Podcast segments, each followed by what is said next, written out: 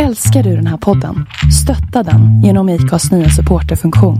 Det är helt upp till dig hur mycket du vill bidra med och det finns ingen bindningstid. Klicka på länken i poddbeskrivningen för att visa din uppskattning och stötta podden. Ryan Reynolds here from Mint Mobile. With the price of just about everything going up during inflation, we thought we'd bring our prices down.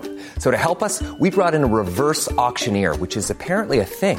Mint Mobile unlimited premium wireless. Ready to get 30, 30, bit to get 30, bit to get 20, 20, 20, bit to get 20, 20, bit to get 15, 15, 15, 15 just 15 bucks a month. So, Give it a try at mintmobile.com slash switch. $45 upfront for three months plus taxes and fees. Promo rate for new customers for limited time. Unlimited more than 40 gigabytes per month. Slows. Full terms at mintmobile.com. Hold up. What was that? Boring. No flavor. That was as bad as those leftovers you ate all week. Kiki Palmer here, and it's time to say hello to something fresh and guilt-free. Hello Fresh. Jazz up dinner with pecan-crusted chicken or garlic butter shrimp scampi. Now that's music to my mouth. Hello Fresh. Let's get this dinner party started. Discover all the delicious possibilities at hellofresh.com. Mitt namn är Linda Hörnfeldt och du lyssnar på avsnitt 94 av We Are Influencers, ett podcastsamarbete mellan Influencers of Sweden och Lalinda. Tycker du att det här med lagar och regler när det kommer till influenceryrket, ja, det är lite läskigt och lite rörigt. Och du är inte ensam. Jag får den frågan ja, nästan varenda dag. Vad är det som gäller med annonsmärkning? Måste man annonsmärka sina egna produkter? Eh, vad behöver jag beskatta? Etc. etc. Så av den här anledningen så bjöd jag in Essie Majkovic, även känd som den kreativa juristen, till podden. Hon har specialiserat sig på juridik inom just influencerbranschen med målet att hjälpa profiler som dig och mig som jobbar med sociala medier. Vilka rättigheter har man som influencer och vad behöver man till exempel tänka på inför ett samarbete eller när man ska börja blogga för en portal? Vi pratar också om vad säger lagen om marknadsföring i sociala medier? Hur annonsmärker man, hur, hur annonsmärker man hela friden? Och vad gäller när man som influencer gör reklam för sina egna produkter på Instagram? Här kommer min intervju med Essie Majkovic.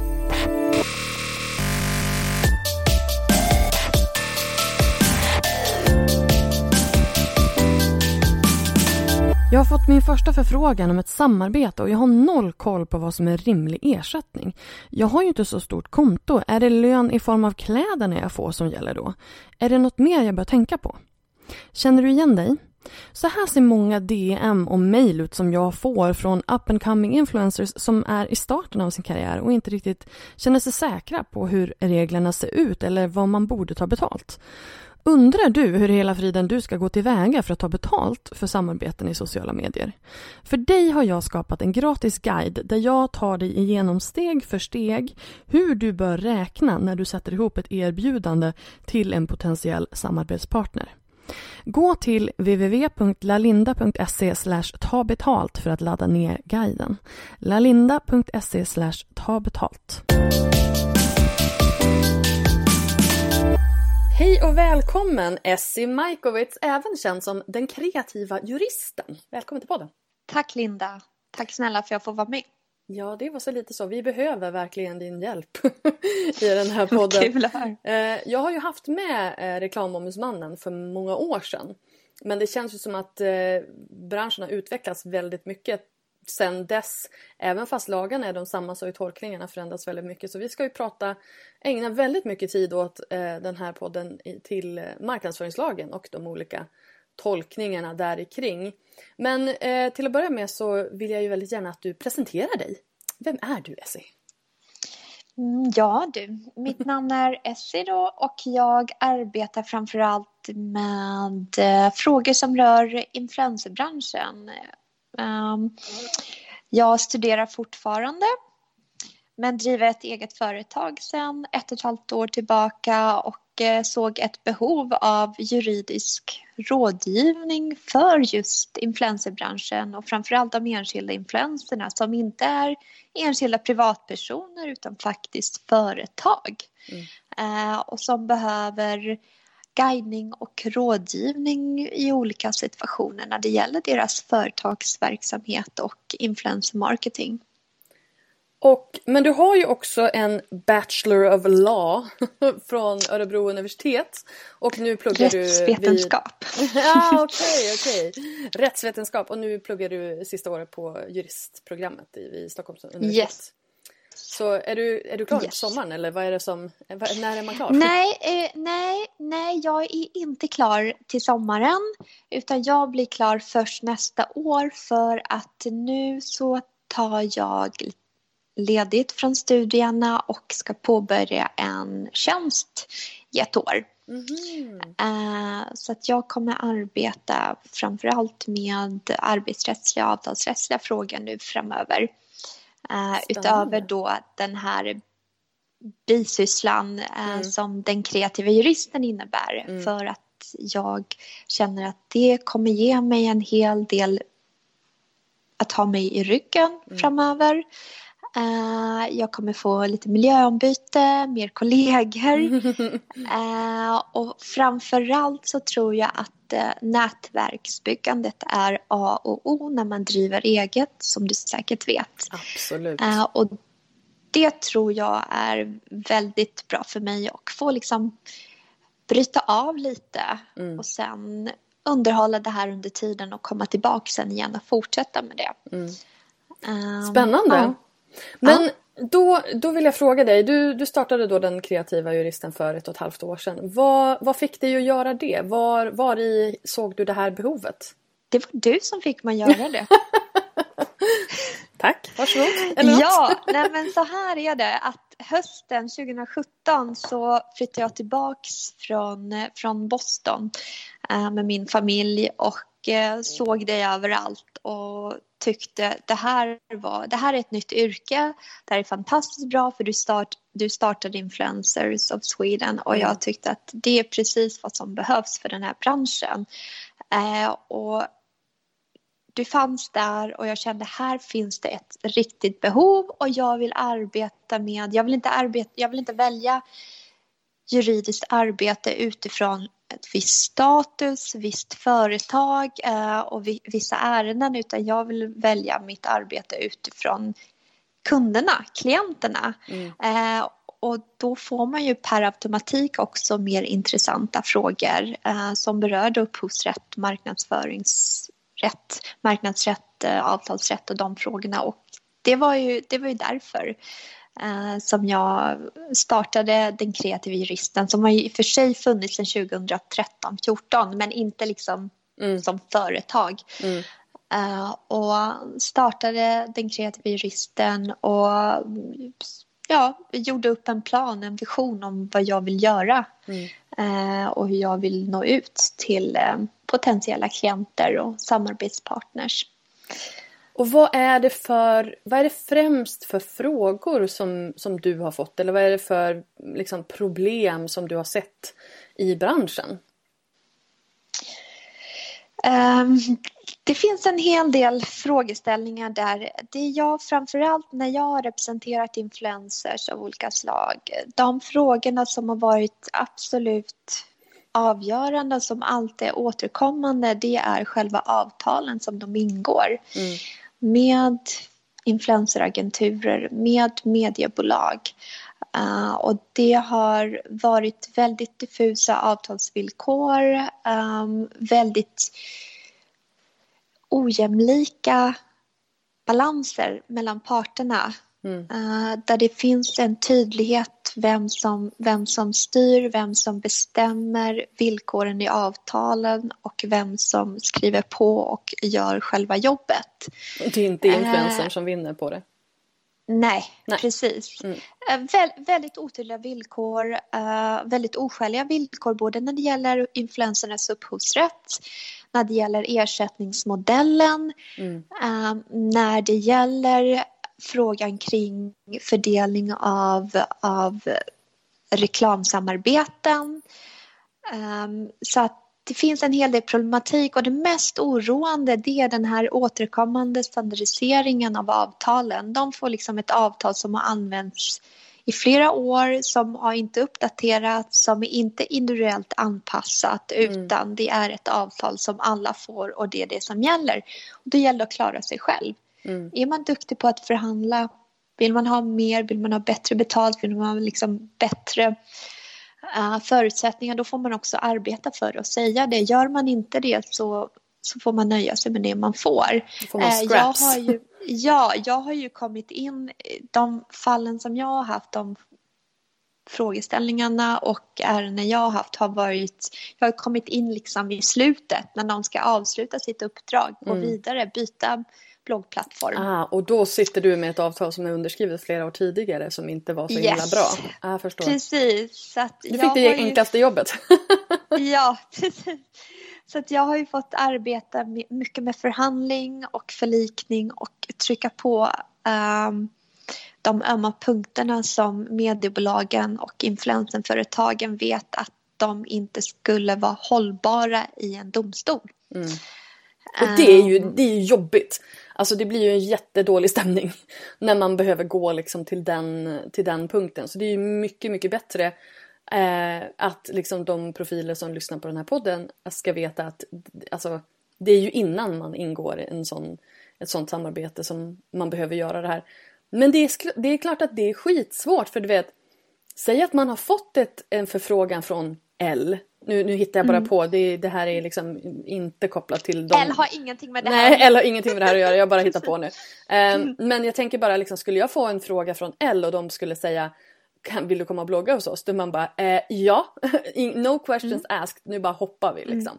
Mm. mm. Men det man måste göra då, det är ju faktiskt take a hard look på det där avtalet och se Får jag behålla mina bilder? Eh, vad får jag? Får jag ta med mig mina inlägg när jag, när jag sticker? Eh, har ni rätt att ha kvar mitt innehåll när jag sticker? Alltså det, det är ju jätteviktiga eh, grejer. För jag menar, man ser ju till exempel, alltså om man googlar på valfri influencers som har bloggat ganska många år. De har ju garanterat bytt portal ett par gånger. Och då hittar man ju den här bloggen på flera olika ställen. Alltså den gamla blogginläggen ligger ju kvar hos de gamla portalerna. Vilket gör mm. att den nuvarande bloggen får ju en mycket sämre ställning på Google för att det är duplicerat innehåll överallt och det är inte säkert att det är den nuvarande bloggen som faktiskt får trafiken i slutändan. Så det där är ju skitviktiga grejer att tänka på i tid. Precis. Så att den, det är också en, en väldigt väsentlig sak som jag har kämpat för när jag har företrätt olika profiler. Det är just det här att få till i förlikningsavtalet att man får till ett att, att de absolut inte får återanvända materialet i kommersiella syften och därmed tjäna pengar på det. Vill de göra det så får de skriva nya avtal och då får de också ersätta um, rättighetsinnehavaren för användandet av det helt mm. enkelt. Mm. Punkt slut. Och nummer två det är att de överlåter um, omdirigera trafiken från, från deras portal till profilens mm. nya portal mm. och också då raderar bloggen. Ja, den är skitviktig. Eh, och den problematiken som jag har eh, det jag, det jag har förstått är man brukar alltid få som svar ja, men det, det blir jättesvårt att konvertera alla filer. Uh, vi kan inte göra det, det är inte tekniskt möjligt nu är inte jag tekniskt kunnig men efter några flertal gånger så har jag insett att det är, det är möjligt. Det är och det, självklart det går möjligt. Självklart ja, möjligt. Gud, det är ja. bara det att det är undanflykter och, av olika anledningar. Sen får man ju också titta på de olika mediehus, de olika situationer, eh, deras, inom deras verksamhet och de vill ju såklart pumpa upp sina, sina verksamheter med olika upphovsrättsliga Såklart. rättigheter mm. och därmed också göra sig själva mer attraktiva för investerare, för samarbetspartners etc. etc. Och där måste man vara noggrann som profil och säga stopp, vill ni göra det så får ni också betala för det. Det är inte skäligt. Det är inte skäligt att blogga tre eller fyra gånger i veckan utan att få ersättning. Det är Nej. inte skäligt att man ska behöva lägga tid, energi. Det tar ju, bara jag som inte är en influencer vet hur lång tid det tar att skriva ett inlägg. Vet ja. hur mycket ja, tid det tar att ta ett foto. Uh, och då är inte jag något proffs, men det här är människor som faktiskt jobbar med det här dagligen, som är utbildade inom det. Uh, det här är deras levebröd, det här är deras liksom vardags mat och mm. de måste få betalt mm. för det.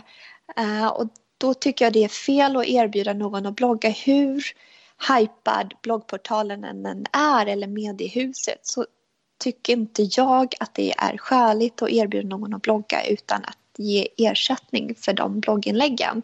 Mm. För att inte tala om då själva ersättningen som ska vara proportionerlig när det gäller olika reklamsamarbeten som de Absolut. förmedlar. Absolut. Alltså det man ska veta är ju, jag menar om, om det skulle vara så att man då nu eh, skulle lämna innehållet, om man nu lämnar bloggportalen så lämnar, så lämnar man sitt innehåll och så går man vidare till en annan. Eh, alternativt, eller att, att man bara bloggar på en bloggportal. Så här, när de säljer sina annonser, alltså när de säljer bannerannonser eh, på sina portaler så går de ju ut efter det totala antalet sidvisningar som hela portalen har haft eh, under en viss tid. Och de siffrorna säljer de in till sina partners.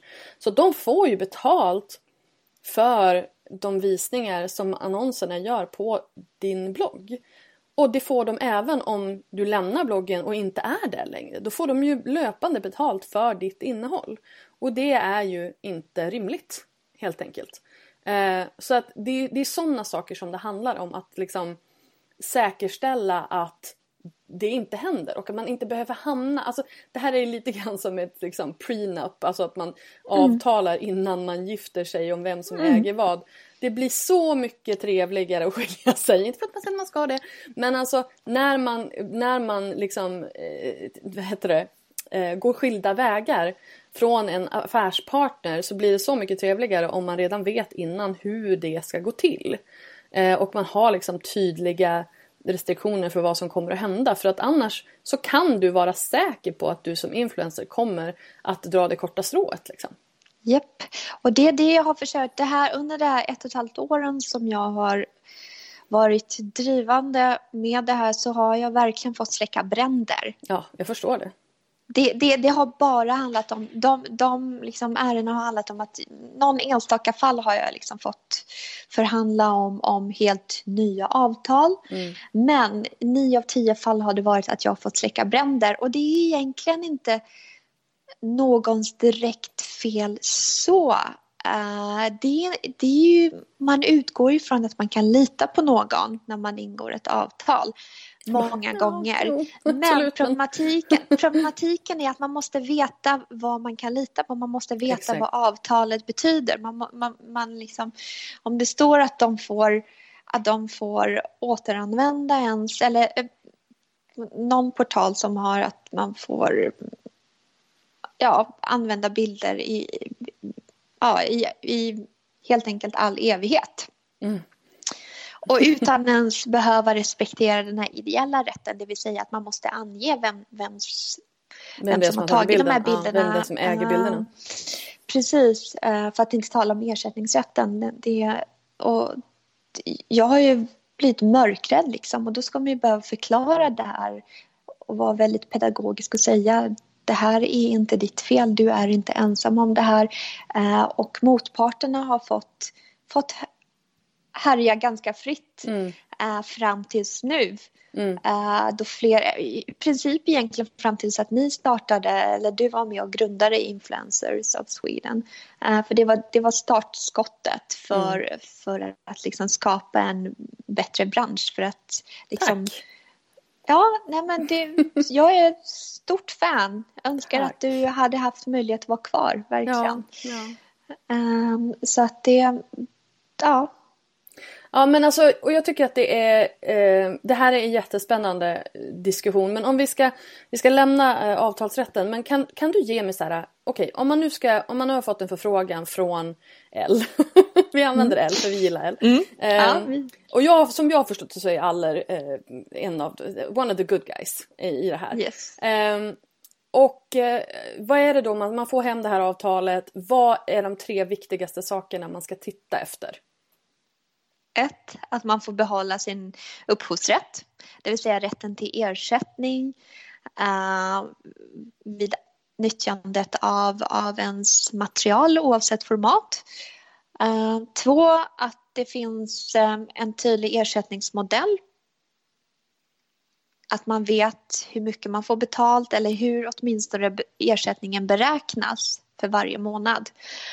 Uh, och tre, att man har rätt att flytta över hela bloggen och att de då åtar sig uh, i uppgift att radera ens innehåll efter ett avslutat samarbete. Det, det är de tre men det absolut viktigaste är att man får behålla rätten och att man får mm, ersättning för, mm. för nyttjanderätten som de då har under tiden för avtalet. Mm. Jätte, jättebra. Eh, vi ska gå vidare till marknadsföringslagen, denna eh, jäckande lag som är... ja, den är inte helt enkel. Alltså jag satt ju i en utredning, det här var 2017, eh, som jag satt i en utredning med eh, ja, var det under Finansdepartementet tror jag, det var ju regeringen som, som höll i den här eh, liksom, utredningen. Där vi, den hette Ett reklamlandskap i förändring och vi skulle alltså ta reda på ifall lagen i sig behövde uppdateras för mm. de här nya eh, kanalerna och sådär. Eh, vi kom ju fram till i slutändan att själva lagen var ju relativt solklar. Alltså lagen i sig behövde inte ändras. Därför att ju mer man går in och ändrar på detaljnivå desto mer så lägger man också krokben för sig själv lite grann i slutändan. För att man kan liksom inte detaljstyra en lag därför att då blir det det blir väldigt, väldigt fyrkantigt. Det blir väldigt liksom, diktaturiskt ju mer mm. man är inne och liksom, lagstiftar om. Eh, det vi dock kom fram till det var ju att vi behövde ha tydligare riktlinjer eh, och liksom, tolkning av lagen eh, utifrån liksom, de olika eh, yrkes... Eh, ja, för det här var ju inte bara influencers utan det var ju även det var ju väldigt mycket om marknadsföring mot barn. Sen var ju vi inne på AI och VR mm. och alltså det var ju väldigt mycket liksom ja, marknadsföring generellt liksom med ny, ny, ny teknik. Mm. Um, men sen var det såklart en stor del om liksom sociala medier. Uh, Alltså, kan du liksom lite så kort sammanfatta, vad säger marknadsföringslagen om reklam i, i sociala medier och i bloggar? Jag, jag skulle vilja säga att den är, för mig är den ju solklar. för den, dig som utbildad solklar, jurist. Men, precis. Uh, men och det jag har försökt trycka på, jag har gjort olika lathundar för att det ska underlätta för, för er mm. aktiva, både för profiler och även då för, för andra aktörer inom branschen. Mm. Eh, mellan aktörer och även företag. Det finns en väldigt enkel sak att göra. Det är det absolut viktigaste när det gäller reklam i sociala medier. Det är reklamidentifieringen. Annonsmärkning. Uh, ja, precis. Uh, svårare än så är det inte. Och trots det så ser jag än idag att profiler och företag blir anmälda för, för vilseledande. Eh, för otydlig reklamidentifiering, för försök att få det att se ut som ett redaktionellt innehåll och därmed skyddas av tryckfrihetsförordningen eller yttrandefriheten istället för att bara säga det här är reklam mm. och vi fattar, vi tycker det är okej, vi som är era följare, vi som är potentiella konsumenter och kunder. Vi förstår att företag, vi förstår att olika profiler arbetar så här och att det är deras sätt att arbeta på och det är helt okej okay mm. att reklammarkera. Mm. Vi kommer inte... Det är snarare bättre för det är mycket mer i enlighet med GDPR. Mm. För gör man reklam via influencer marketing då har man ju redan kommit runt GDPR på det sättet som ja. företag. För då når man ut till enskilda individer som faktiskt har godkänt att följa de här profilerna. Mm. Uh, och därmed så skadar inte det att vara övertydlig. Bättre det än, än försöka få det att verka som som någonting annat mm. när det egentligen handlar om att sälja produkter och sälja in tjänster och varumärken. Alltså jag tycker ju ändå att liksom när det är sol klart vad som är reklam. För jag menar när, när någon eh, ja, men om, om, ett, om ett företag kommer till mig och säger att hej vi vill sälja den här prylen i dina kanaler och jag får betalt för det Eh, och då är det ju reklam. Det är ju inga konstigheter. Det är ju ändå en, en ganska så här, klassisk eh, en klassisk situation, ett klassiskt samarbete. Eh, och då behöver man annonsmärka det och det ska annonsmärkas först.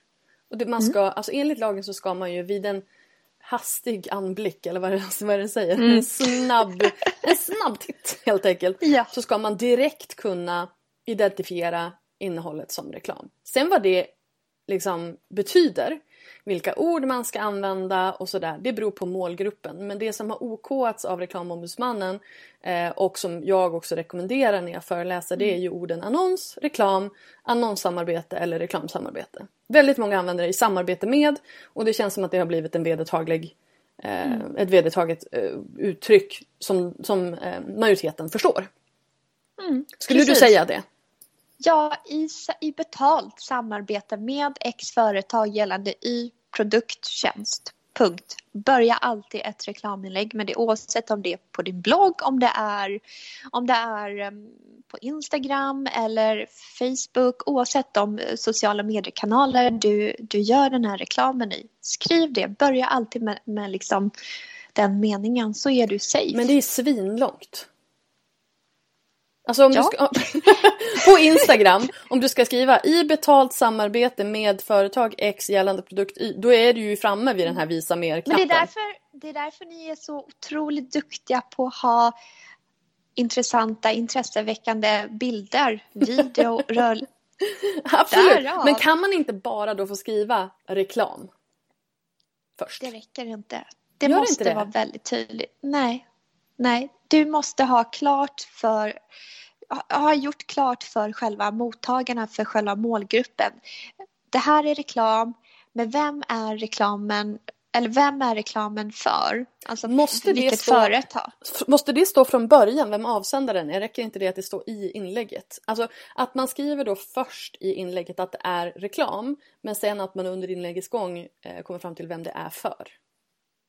Det här är min rekommendation, vad jag skulle vilja mer vedertaget. Nu, nu står inte det så i lagen, det står Nej. ju liksom inte. Men det är den tolkningen och det är de önskemålen som jag har förstått som Konsumentverket och Reklamombudsmannen och domstolarna anser är mer acceptabla. Att det står tydligt. Mm. Ja, det kanske förstör själva reklaminlägget. Det, det gör ju hackigt. det. det. Ja, det gör ju det. Men nu är det så att vi lever i ett helt nytt ja. medielandskap, reklamlandskap och därför så måste vi anpassa oss utifrån det. Mm.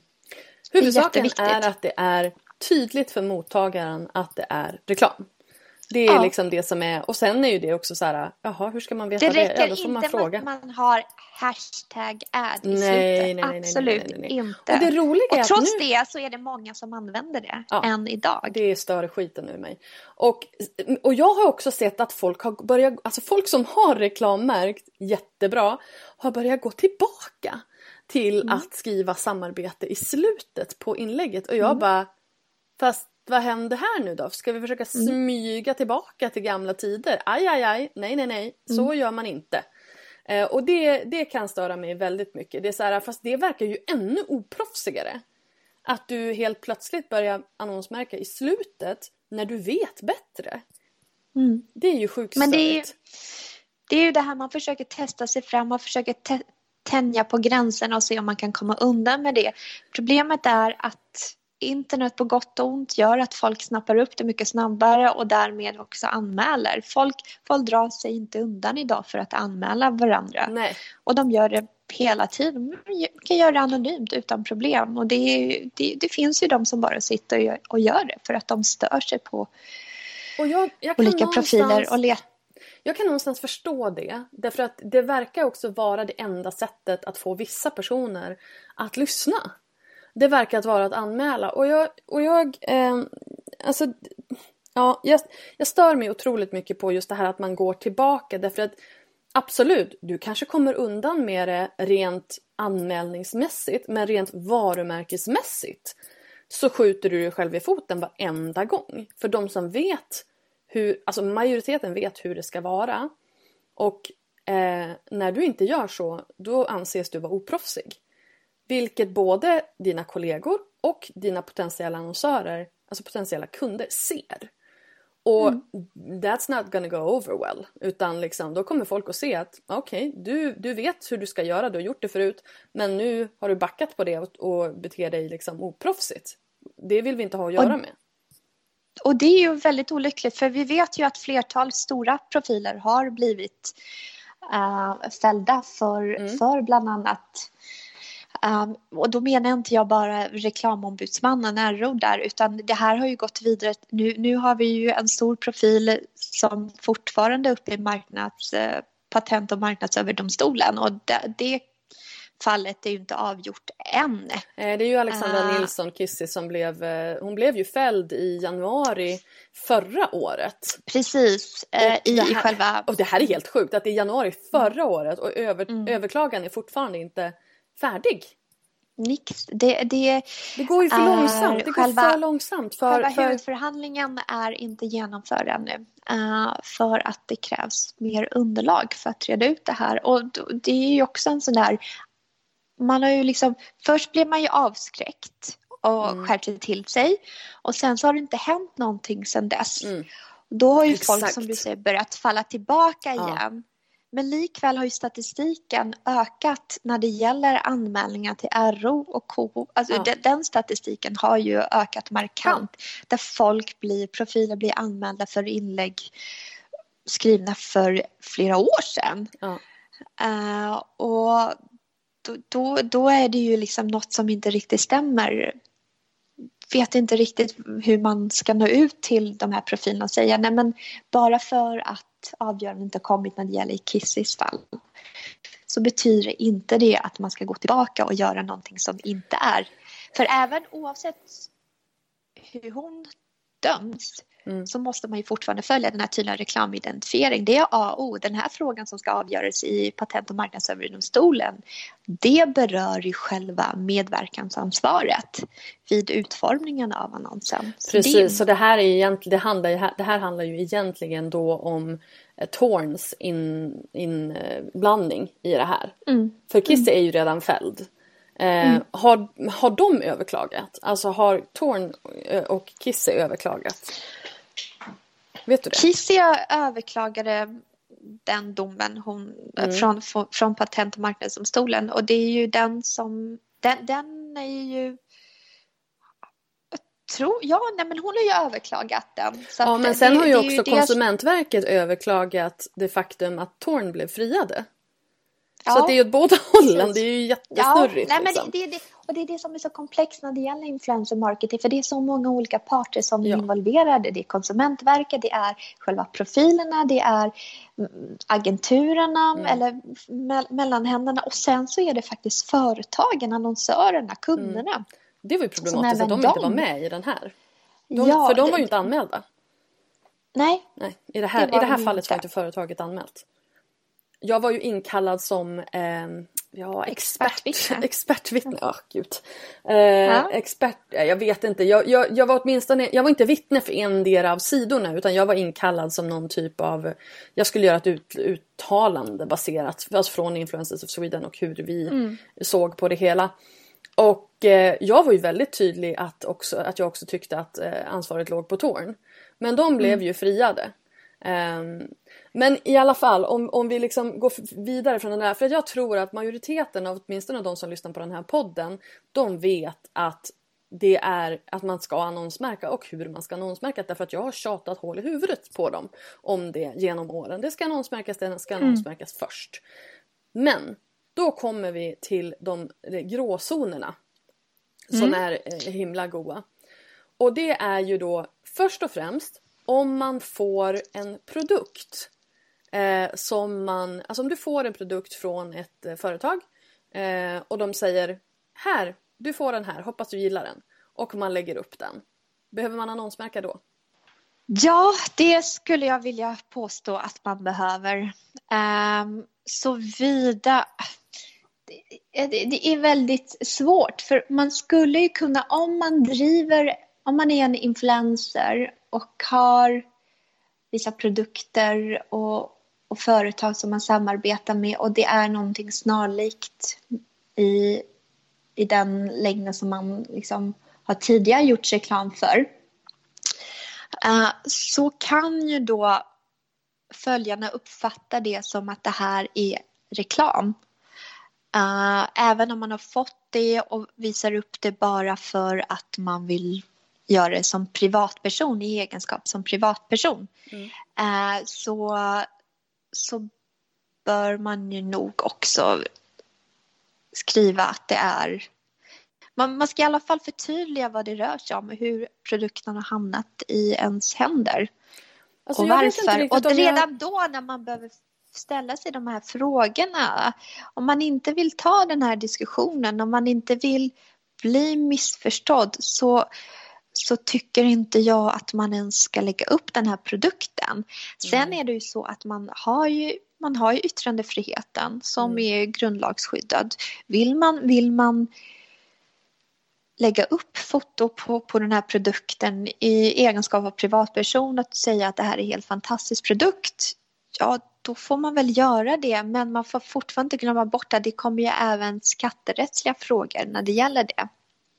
Och, vill, och vilka, att, för att det, det, det, tänker jag att vi kan ta separat därför att jag håller inte riktigt med dig här. Därför att jag tänker att om du får en produkt, det finns ingen, inget krav på motprestation.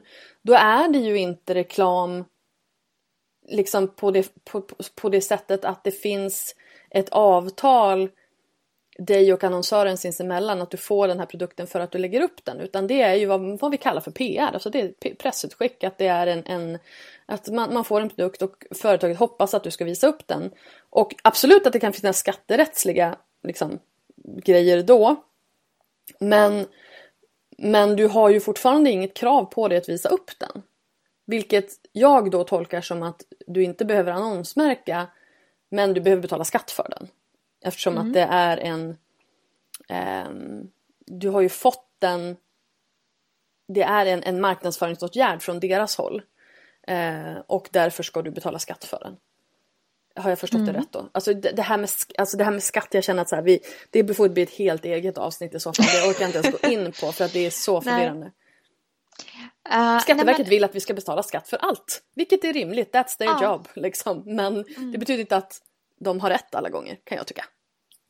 Mm, nej, det, det är ju så med juridik och det, det är ju det är väldigt individuellt. Det, det kan vara små detaljer som är avgörande. Mm. I det här fallet när, när företag skickar ut de här och hoppas på att det ska dyka upp mm. i de här profilerna, sociala mediekanaler, så gynnas de av det. Mm. Och lägger de upp så blir de när de får de här gratisprodukterna och lägger upp det i sina sociala mediekanaler så blir det indirekt som att de hamnar i en viss ställning som är marknadsrelaterad, alltså kommersiellt inlägg istället för bara ett redaktionellt inlägg. Fast det är ju inte kommersiellt för dem. Alltså de har ju inte vunnit någonting på det här förutom den här produkten. De har ju inte fått betalt för det. Profilen ja. Ja, precis. Nej, nej, nej, men det är ett kommersiellt inlägg för själva företaget. Ja, du menar så. Mm. Ja, men, men det betyder inte att jag, alltså för mig som influencer är det ju inte kommersiellt vilket betyder att då går det under, under yttrandefrihet och då behöver jag inte märka ut det. Alltså det här är så snurrigt. Men då ska man ju, ja det är jättesnurrigt uh, och det, där har vi ju inte några tydliga vägledande fall som, som, som har liksom, så det är ju jättesvårt. Jag kan ju prata om det här men det är svårt för mig att säga. Men jag skulle köra på det safea och eh, förtydliga vad, vad produkten kommer ifrån och vad det rör sig om. Liksom. Det, det är ju mitt råd. Ja, och, och jag, jag håller inte med dig. Jag skulle ju inte göra det därför att jag tycker att det blir också problematiskt att annonsmärka saker som inte är annonser. För då blir det någonstans, eh, det blir en urvattnat, konceptet blir urvattnat om det används i, i fall där det inte ska användas. Liksom. Um, och det, men det där, är, det där finns det ju inga, inga prejudikat på faktiskt. Det finns inte ens från RO tror jag. Uh, att liksom man har blivit fälld för, för uh, pressutskick. Därför att där, det är också mycket svårare att komma åt. Liksom. Mm. Och det är mycket svårare att avgöra. Men det jag vet det är så här, får du pressutskick från samma företag varje månad till exempel och du alltid visar upp det eh, eh, och inte annonsmärker det, då kan du bli fälld. Därför att då kan det anses vara liksom ett, ett, ett, Ja, jag vet inte vad, det, vad, ni, vad ni säger på, på lagspråk. Men... Ja, nej, men det, det blir ju ett konkludent handlande där. Alltså ge, att det uppstår ett, ett samarbete, ett avtal där utan att man har uttalat om vad avtalet mm. handlar om så har ett de ju då genom avtal. Skick... Ja, ja, så kan man säga. Mm. Ja ett, ett tyst avtal, tyst accept. Jag mottar de här varorna och lägger mm. upp det mina, på min Instagram. Mm. Och de skickar återigen nästa månad och nästa månad. Och då blir det en tyst accept och nu har vi ett avtal här. Och det har ett kommersiellt värde för företaget. Och där, det, mm. sen kan jag också tycka så här att jag personligen skulle aldrig rekommendera att lägga upp produkter även om man får dem gratis. För att ni som arbetar med sociala medier uh, ska ju få betalt för allt ni lägger upp. Absolut. Jag. Absolut. Uh, men, att, men, men, vad kommer då hända med liksom PR-branschen? Den kommer ju liksom att dö. Alltså mot influencers, det finns ju fortfarande liksom mot, mot tryckt press men menar om man tittar på antalet, press, alltså antalet PR-byråer som någonstans blossade upp någonstans där runt ja, mellan 08 och 12 typ. Eh, där, alltså det, det kom ju sjukt många PR-byråer därför att då hade de ju fått en eh, de hade ju fått en målgrupp som bara så här, hundrafaldigades. Eh, tidigare så hade man bara liksom journalister och moderedaktörer och den typen att jobba mot och nu hade man helt plötsligt en jäkla massa bloggare främst eh, att skicka saker till. Men det bara för att det har varit så under flera år så betyder inte det att det är att det var okej. Okay. Så att PR-byråerna kommer ju ha ett problem.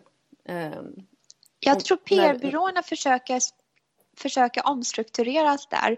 Jag tror många av dem försöker gå över till att vara mer de som skapar annonserna och även då förmedlar annonserna. Ja. Alltså de försöker helt enkelt förmedla. Jag, jag tror att det här är mm. bara min ja precis, att det, det är ju det det går ut mer på nu för tiden.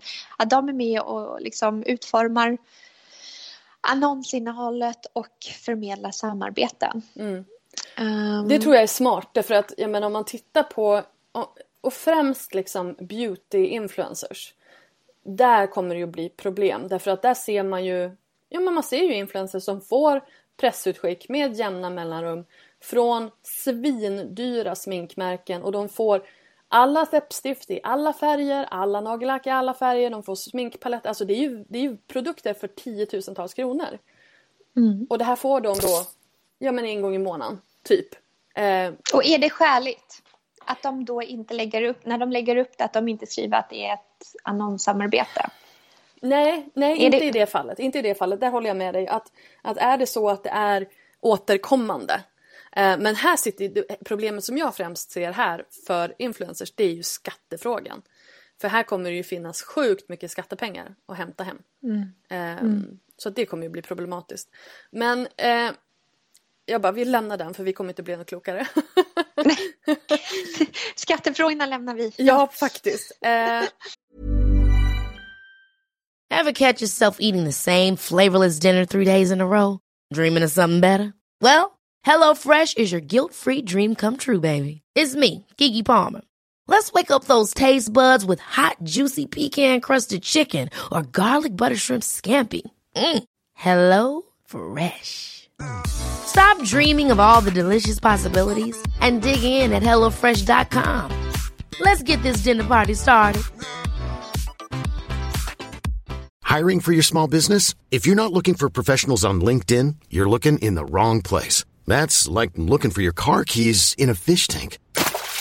LinkedIn helps you hire professionals you can't find anywhere else, even those who aren't actively searching for a new job but might be open to the perfect role. In a given month, over 70% of LinkedIn users don't even visit other leading job sites. So start looking in the right place. With LinkedIn, you can hire professionals like a professional. Post your free job on linkedin.com slash achieve today. Many of us have those stubborn pounds that seem impossible to lose, no matter how good we eat or how hard we work out. My solution is PlushCare. PlushCare is a leading telehealth provider with doctors who are there for you day and night to partner with you in your weight loss journey. They can prescribe FDA-approved weight loss medications like Wagovi and Zepbound for those who qualify. Plus, they accept most insurance plans. To get started, visit plushcare.com slash weight loss. That's plushcare.com slash weight loss. Sen så har jag, du, jag, jag ställde fråga på Instagram här och eh, frågade Mm. vad, vad man ville veta för någonting. Och jag har fått ganska många frågor som handla, handlar om typ samma sak. Och det handlar ju om att på sin, på, sitt, eh, på sin Instagram eller på sin blogg göra reklam för sina egna produkter. Eh, och jag har fått en fråga som lyder, det, det, är två, det är typ samma fråga fast på två olika sätt. Eh, och en har skrivit, om jag har företags Instagram, måste jag då skriva reklam för egen verksamhet i varje inlägg?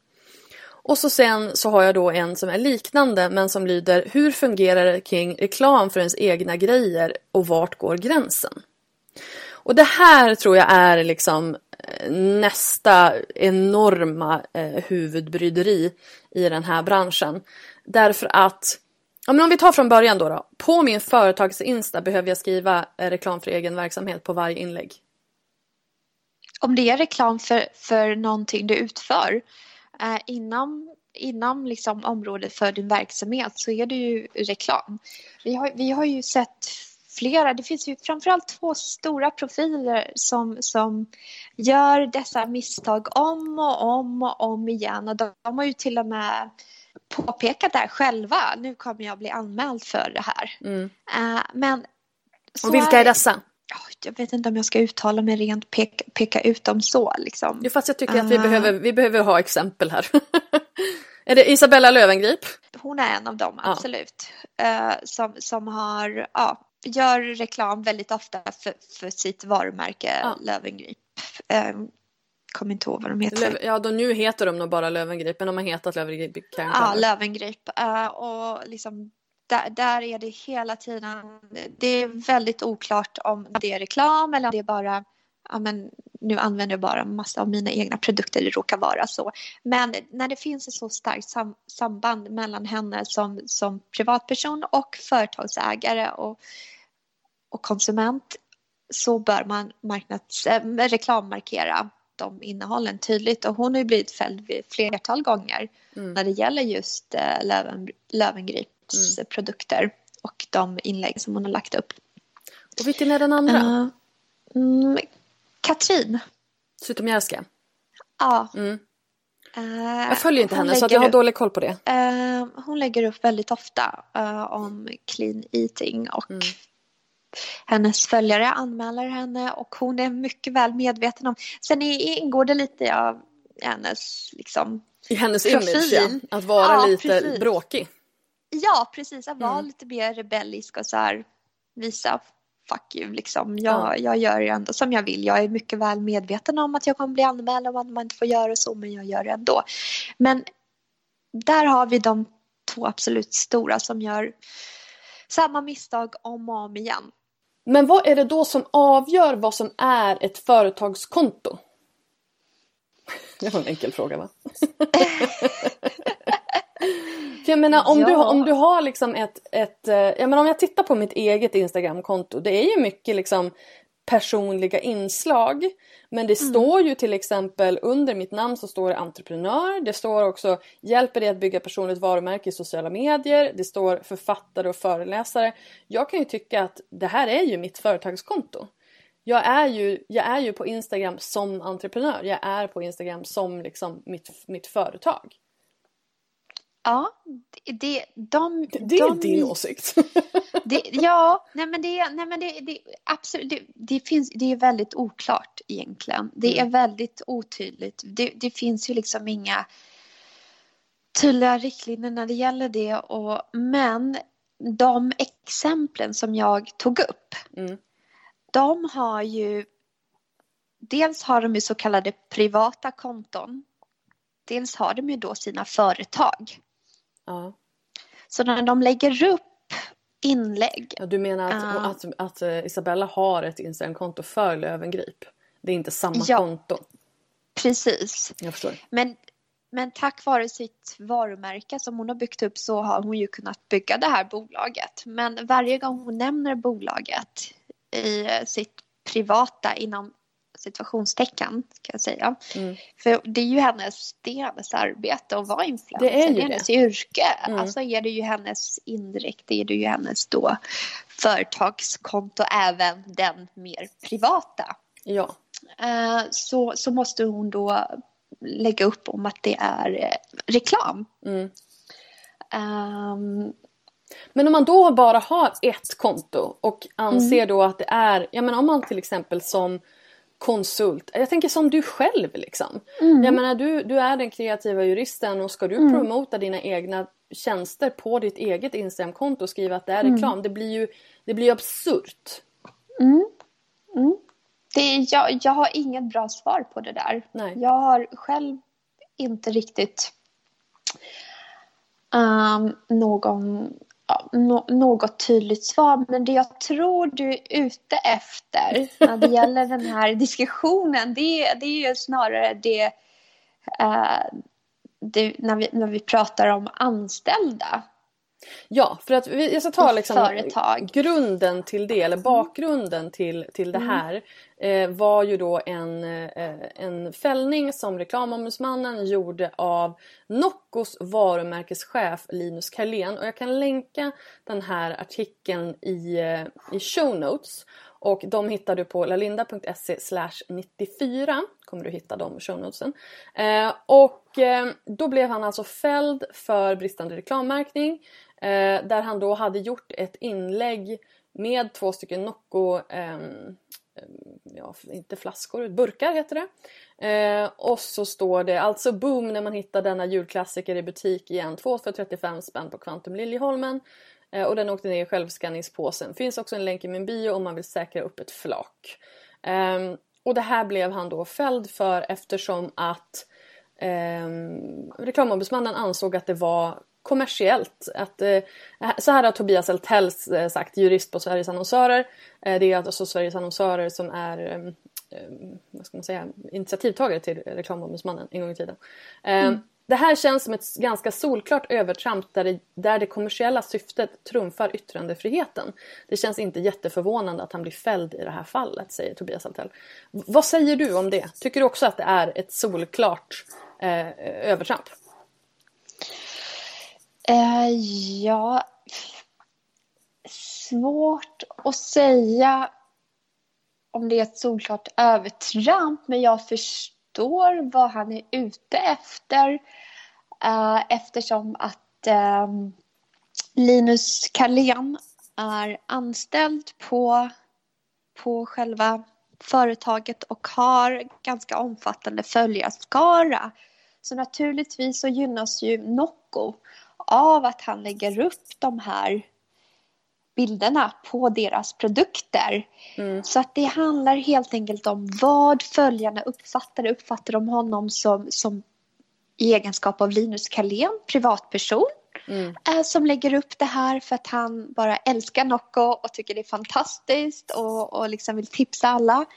Um, eller är det någonstans undermedvetet, jobbar han även inom den privata, i det privata livet som, som då varumärkesstrateg för Nocco. Så att det är Men han har ju inte Väl- fått betalt för just det här Nej. inlägget. Vilket är ju det som brukar då anses, anse Men det är det är hur man gränsdragningen. uppfattar det och därav också det när vi pratar om pressutskick.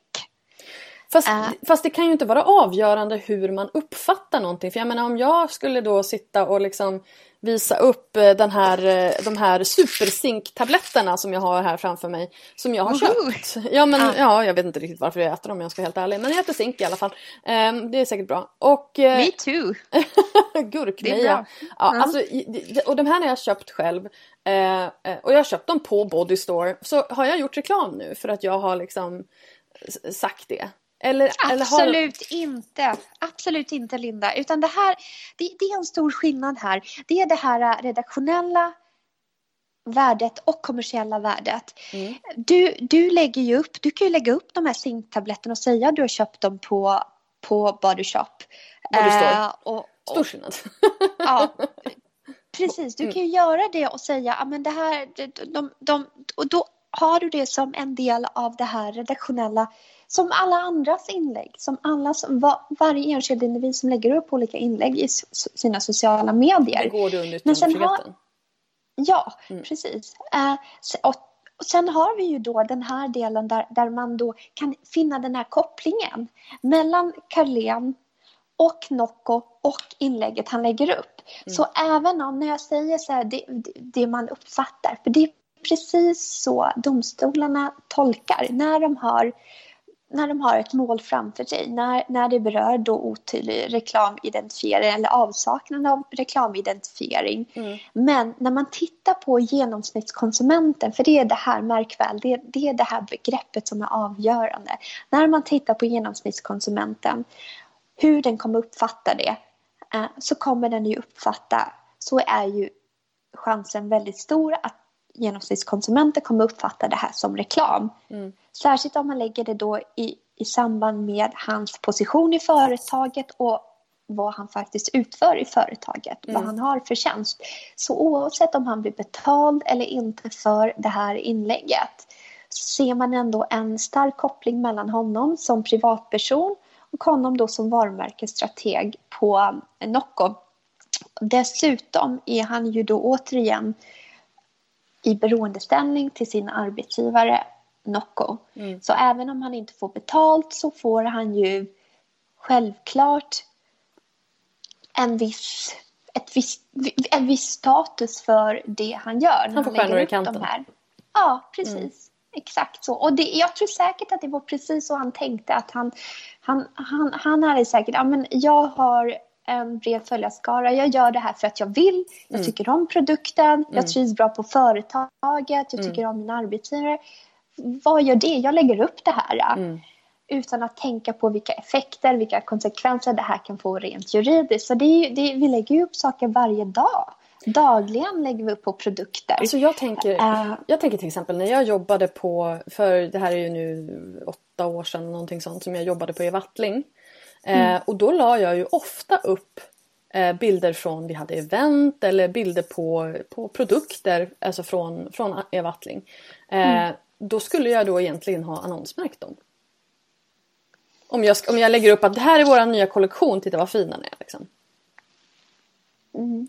Ja, du, du tvekar, vilket betyder att det här, det, jag borde ha liksom åtminstone tänkt tanken, vilket jag ju inte gjorde. Ja, jag tror för åtta år sedan så, Absolut, så men lagen var ju fortfarande densamma. Och, jag, och, och bloggen var ju, liksom, var ju välbesökt redan då. Så att jag menar, det, det, det är ändå så här, det, det hade varit... Eh, om vi hade varit där vi är idag så hade det varit en fråga. Det hade varit liksom gråzonigt helt enkelt. Absolut, ja. självklart. För det, för det hade ju gynnat din arbetsgivare. Ja. Det hade gynnat när, när det framgår så tydligt och då hade du hamnat i en situation där dina följare uh, hade börjat ifrågasätta om det här var reklam eller om det var bara för att du genuint... Alltså det är ju uppenbarligen väldigt... både och i, ja, i många fall. Liksom. Och, jag menar, ja. och, och, så ska det ju alltid vara. Alltså, så, det säger mm. jag ju alltid att jobbar du som influencer så måste ja. du eh, du måste ju stå bakom det du gör reklam för för att annars mm. så skiter sig hela, hela grejen. Eh, mm. I och med att det är liksom din trovärdighet som är grunden till allting. Men det här, det här blir ju ett jättestort problem för, alltså jag tänker så här, employer branding. Um, om alla nu som, som sitter på Facebook och är så här, jag jobbar, eller så här, vi har de här nya produkterna. Räcker det då att man skriver så här, ja men som ni vet så jobbar jag här och här och här är våra nya produkter. Eller måste man då skriva att det här är reklam för? För att hamnar man inte då också i en, i en skattefråga problem liksom? Kan man då bli beskattad för de här produkterna som man har lagt upp som man har, har kanske antingen fått eller köpt från, sitt, från företag man jobbar på eller sådär. Så alltså det finns ju jättemånga lager av, av problematik här. Det är otroligt komplext uh, och det absolut svåraste, det är det som är så intressant med influencerbranschen, att den är så formbar och oklar mm. Mm. än så länge.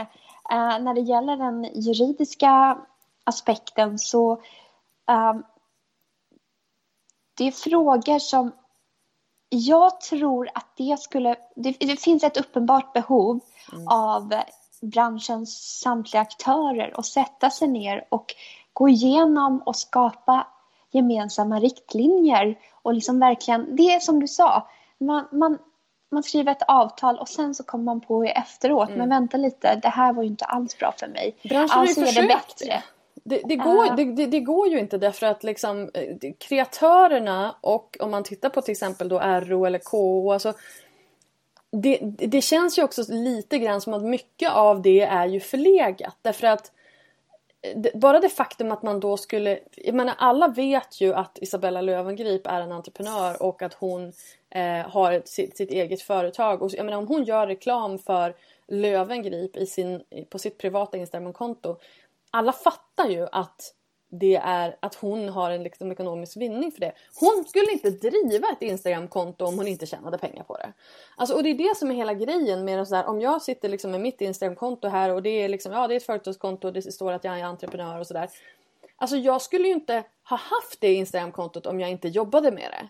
Då hade jag förmodligen haft ett, jag har ett dolt privat konto där jag liksom bara lägger upp bilder för, för familj och vänner och sådär. Men det här är ju det, en del i mitt jobb. Och det tycker mm. jag ju är väldigt tydligt och någonstans måste man också ha en helhetsbild över Alltså när, när man tittar på ett eh, Instagram, en Instagram-bild då om jag skulle då skriva för, för nu när jag har gjort reklam för min bok till exempel. På vissa bilder har jag skrivit att det är reklam, på andra har jag inte skrivit att det är reklam. Bara för att jag mm. vill så här, se om publiken reagerar och det finns ju ingen reaktion överhuvudtaget. Folk fattar ju att jag får betalt för att sälja min egen bok. Alltså, mm.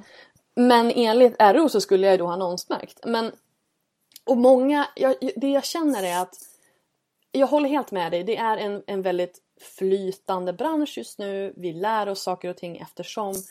Men problemet är ju det att det här förlamar ju så himla många och gör att de stannas upp i, sitt, i, sin kreativitet. Att de säger, ska jag annonsmärka det här? Ska jag inte annonsmärka? Hur ska jag? Mm. Och vågar liksom inte sälja sina egna produkter på, sin egen, på sina egna kanaler därför att de är så rädda för att det ska slå fel. Liksom. Um, och det blir ju som sagt, det blir om jag, när jag ska annonsmärka min egen bok på min företags Instagram, eller vad jag ska säga, alltså i mina sociala kanaler som är en del av min business. Det blir, det blir nästan löjligt. Ja, nej, men jag, jag, kan hålla med dig om. Men sen får man tänka så här, olika företagskonton ser olika ut. Du och jag har väldigt lika, inte lika så, men väldigt liksom att man lägger upp väldigt, en, en del privata saker eh, och sen så har man väldigt mycket företag. Mm. Eh, men i grunden så är det ju ett företagskonto. Alltså du är ju ditt varumärke. Linda ja. Hörnfeldt, Linda är ditt företag. Ja. Allt du lägger upp på Lalinda är ju redan inom ditt företag. Mm. Uh, så när du lägger upp reklam för dina, din, din bok mm. uh, så lägger du upp det i egenskap av Lalinda, mm. alltså inom ditt företagskonto. Mm. Återigen, det, det är en skillnad på att göra så på att ha ett då som Isabella Lövengrip som har ett konto som lägger upp då explicit ett externt konto. Det är en annan mm. sak om det här är Lalinda 1 och Lalinda 2. Precis. Och så har du då Lalinda 1 som är du som privatperson mm. och så Lalinda 2 ditt företagskonto. Så, så fort Lalinda, ja precis. Så att ifall man är då, för, för jag menar som, som den här personen skrev, om jag på mitt företagskonto behöver jag skriva reklam för egen verksamhet i varje inlägg, då skulle jag ju säga nej. För att om det är tydligt att det är ett företagskonto och avsändaren är ett företag då behöver ja. du absolut inte göra det. För att det, någon hade som exempel bara, men ska Lindex reklammärka alla sina inlägg på Lindex företagskonto?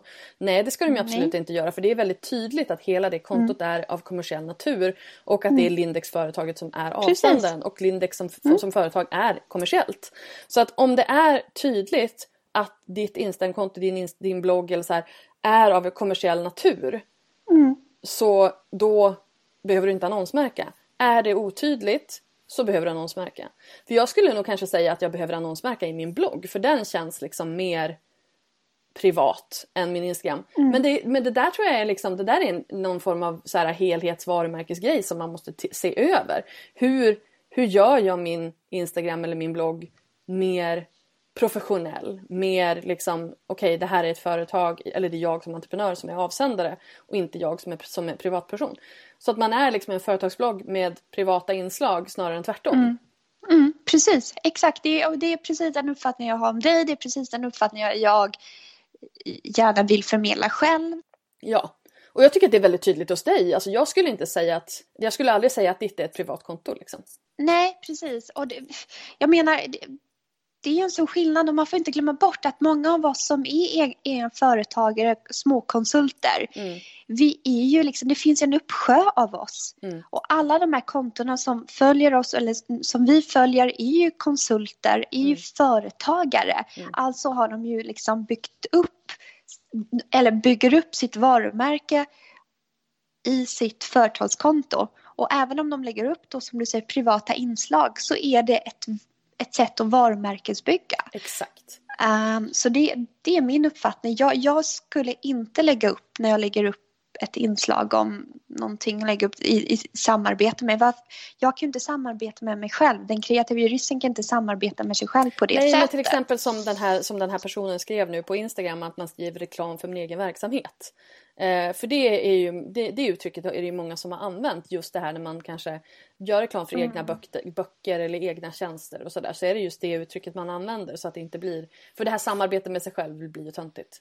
Den stora skillnaden är när man i egenskap av företagare skapar ett företagskonto med privata inslag mm. så kan inte det uppfattas, när man gör reklam för sin egna verksamhet så kan inte det uppfattas som att någonting annat än liksom att det är reklam för själva företaget och att man gör det i egenskap av själva företagsperson oavsett om man är en person i företaget eller om man är 50. Man får ju aldrig glömma bort att företagskonstellationer ser olika ut. De flesta av oss som jobbar för att nå ut till våra potentiella kunder, konsumenter i sociala medier gör det i, i egenskap av en person. Mm. Så våra konton är ju väldigt företagsinriktade med vissa personliga inslag. Men sen är det ju ah, väldigt många som influencers så jobbar man ju med sin person som, det är ju någon slags utgångspunkt i, i, ens, eh, i ens företag. Det är ju att man är eh, privatperson och att det är någonstans mm. där man har sin grund. Eh, mm. Men jag tror att kanske liksom man får någonstans landa i att så här, ja men intentionen med det här kontot med min närvaro i sociala medier det är att vara entreprenör, att vara företagare, att göra vinst. Det är att vara, ha ett kommersiellt intresse.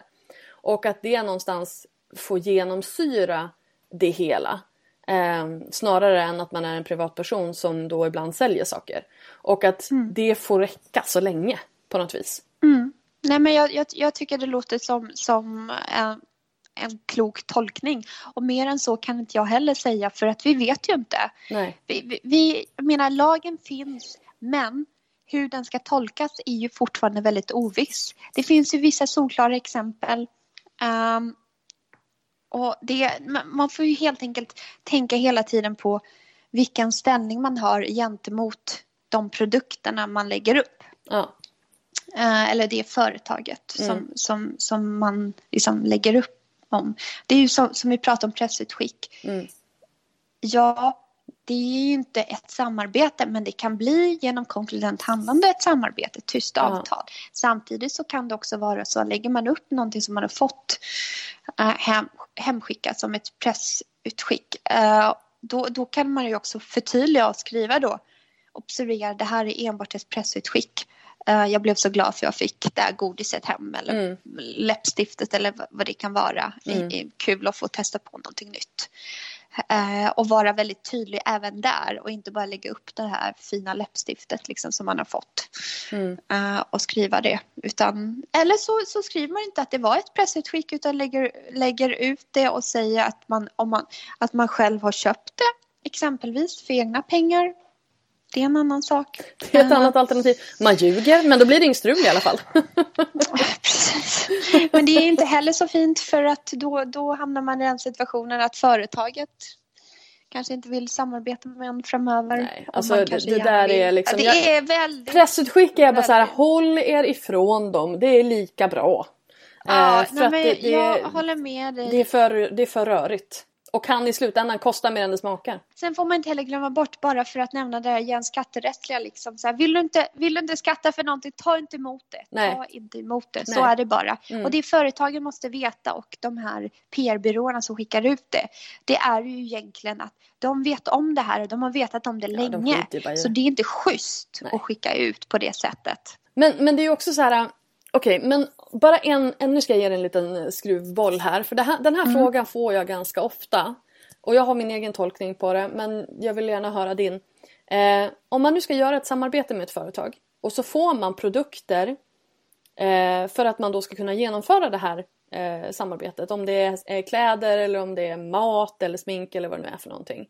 Eh, be, hur, hur, vad ska man göra med de produkterna? Behöver man skatta för dem då? Får du det som, som ersättning eller får du utöver det så alltså, får det du även då betalning? Ja, du får, du får ut, ja, precis. Du får utöver det så får du betalning. Mm. Men de har ju ett värde. Precis, men du behöver dem ju för att kunna utföra arbetet. Um, ja, det är ju... Jag menar, om man får dem, ja. om man får behålla dem, ja. så, så ska man ju såklart, kan jag tycka, skatta för det. Men det är oklart. Då skulle jag, alltså, för jag, jag, skulle säga så här, om det är så att du får produkter eh, och då tar du in dem i företaget för de har använts som, som liksom en, ett arbetsprov eller ett arbete, en, en, ja, en, en arbets, ett arbetsverktyg helt enkelt i mm. företaget. Men om du sen behåller dem privat då får mm. du förmånsbeskatta för dem. Ja, så kan man göra. Absolut. För det blir ju liksom, om man tar emot det som företag så blir det liksom immateriella tillgångar. Ja. Och då beräknar man det. Men däremot om du om företaget, ditt företag överlåter, det, överlåter produkten till dig som privatperson mm. så får man då förmånsbeskatta det. Precis, men då får du också förmånsbeskatta på ett andrahandsvärde vilket gör att det blir mycket billigare. Ja. Mm. Så det är ju egentligen det smartaste, det är att ta, ta in produkterna i, i företaget och så sen då potentiellt ge dem till, till liksom dig som privatperson mm. eh, och eh, skriva, alltså, och, och sen förmånsbeskatta för det på ett andrahandsvärde. Men här behöver man ju liksom en, en revisor som kan sin skit för här börjar det bli rörigt alltså.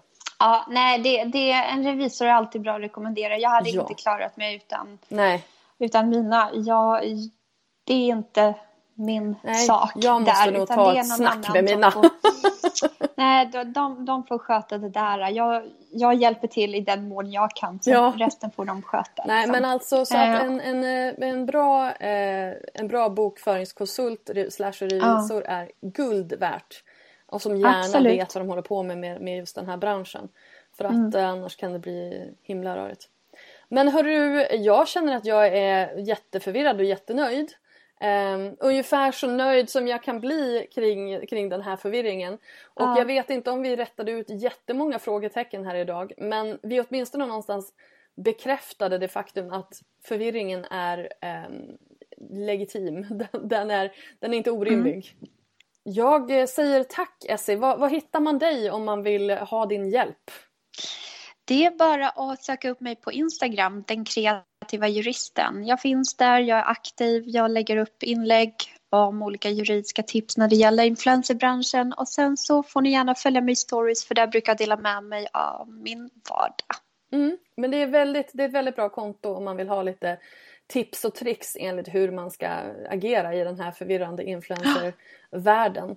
Och eh, alla är välkomna att höra av sig till mig på DM. Det finns inga dumma frågor. det finns inga dumma frågor. Men det är det här juridiken handlar om. Alla, ju mer juridik man diskuterar ju förvirrad man blir. För Eller det, hur? Det, ha, ha, börjar man bli förvirrad när man diskuterar juridik då är man inne på rätt spår.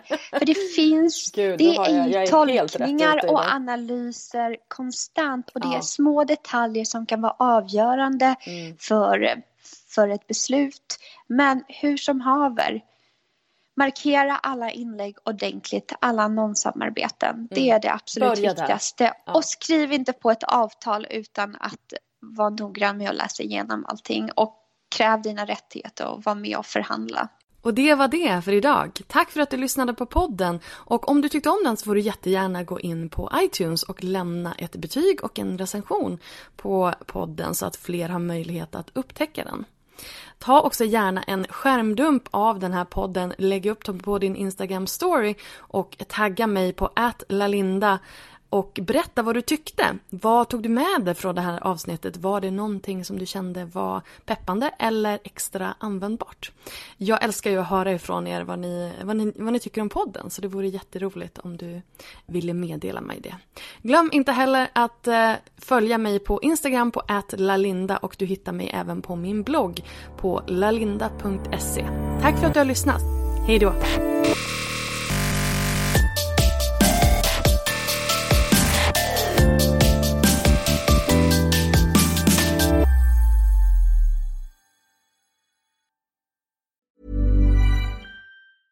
Ever catch yourself eating the same flavorless dinner three days in a row? Dreaming of something better? Well, HelloFresh is your guilt-free dream come true, baby. It's me, Kiki Palmer. Let's wake up those taste buds with hot, juicy pecan-crusted chicken or garlic butter shrimp scampi. Mm.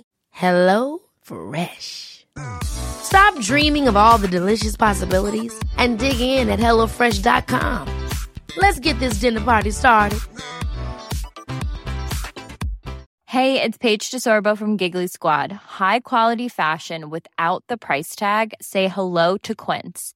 I'm snagging high-end essentials like cozy cashmere sweaters, sleek leather jackets, fine jewelry, and so much more. With Quince being 50 to 80% less than similar brands. And they partner with factories that prioritize safe, ethical, and responsible manufacturing. I love that. Luxury quality within reach. Go to quince.com slash style to get free shipping and 365 day returns on your next order. Quince.com slash style.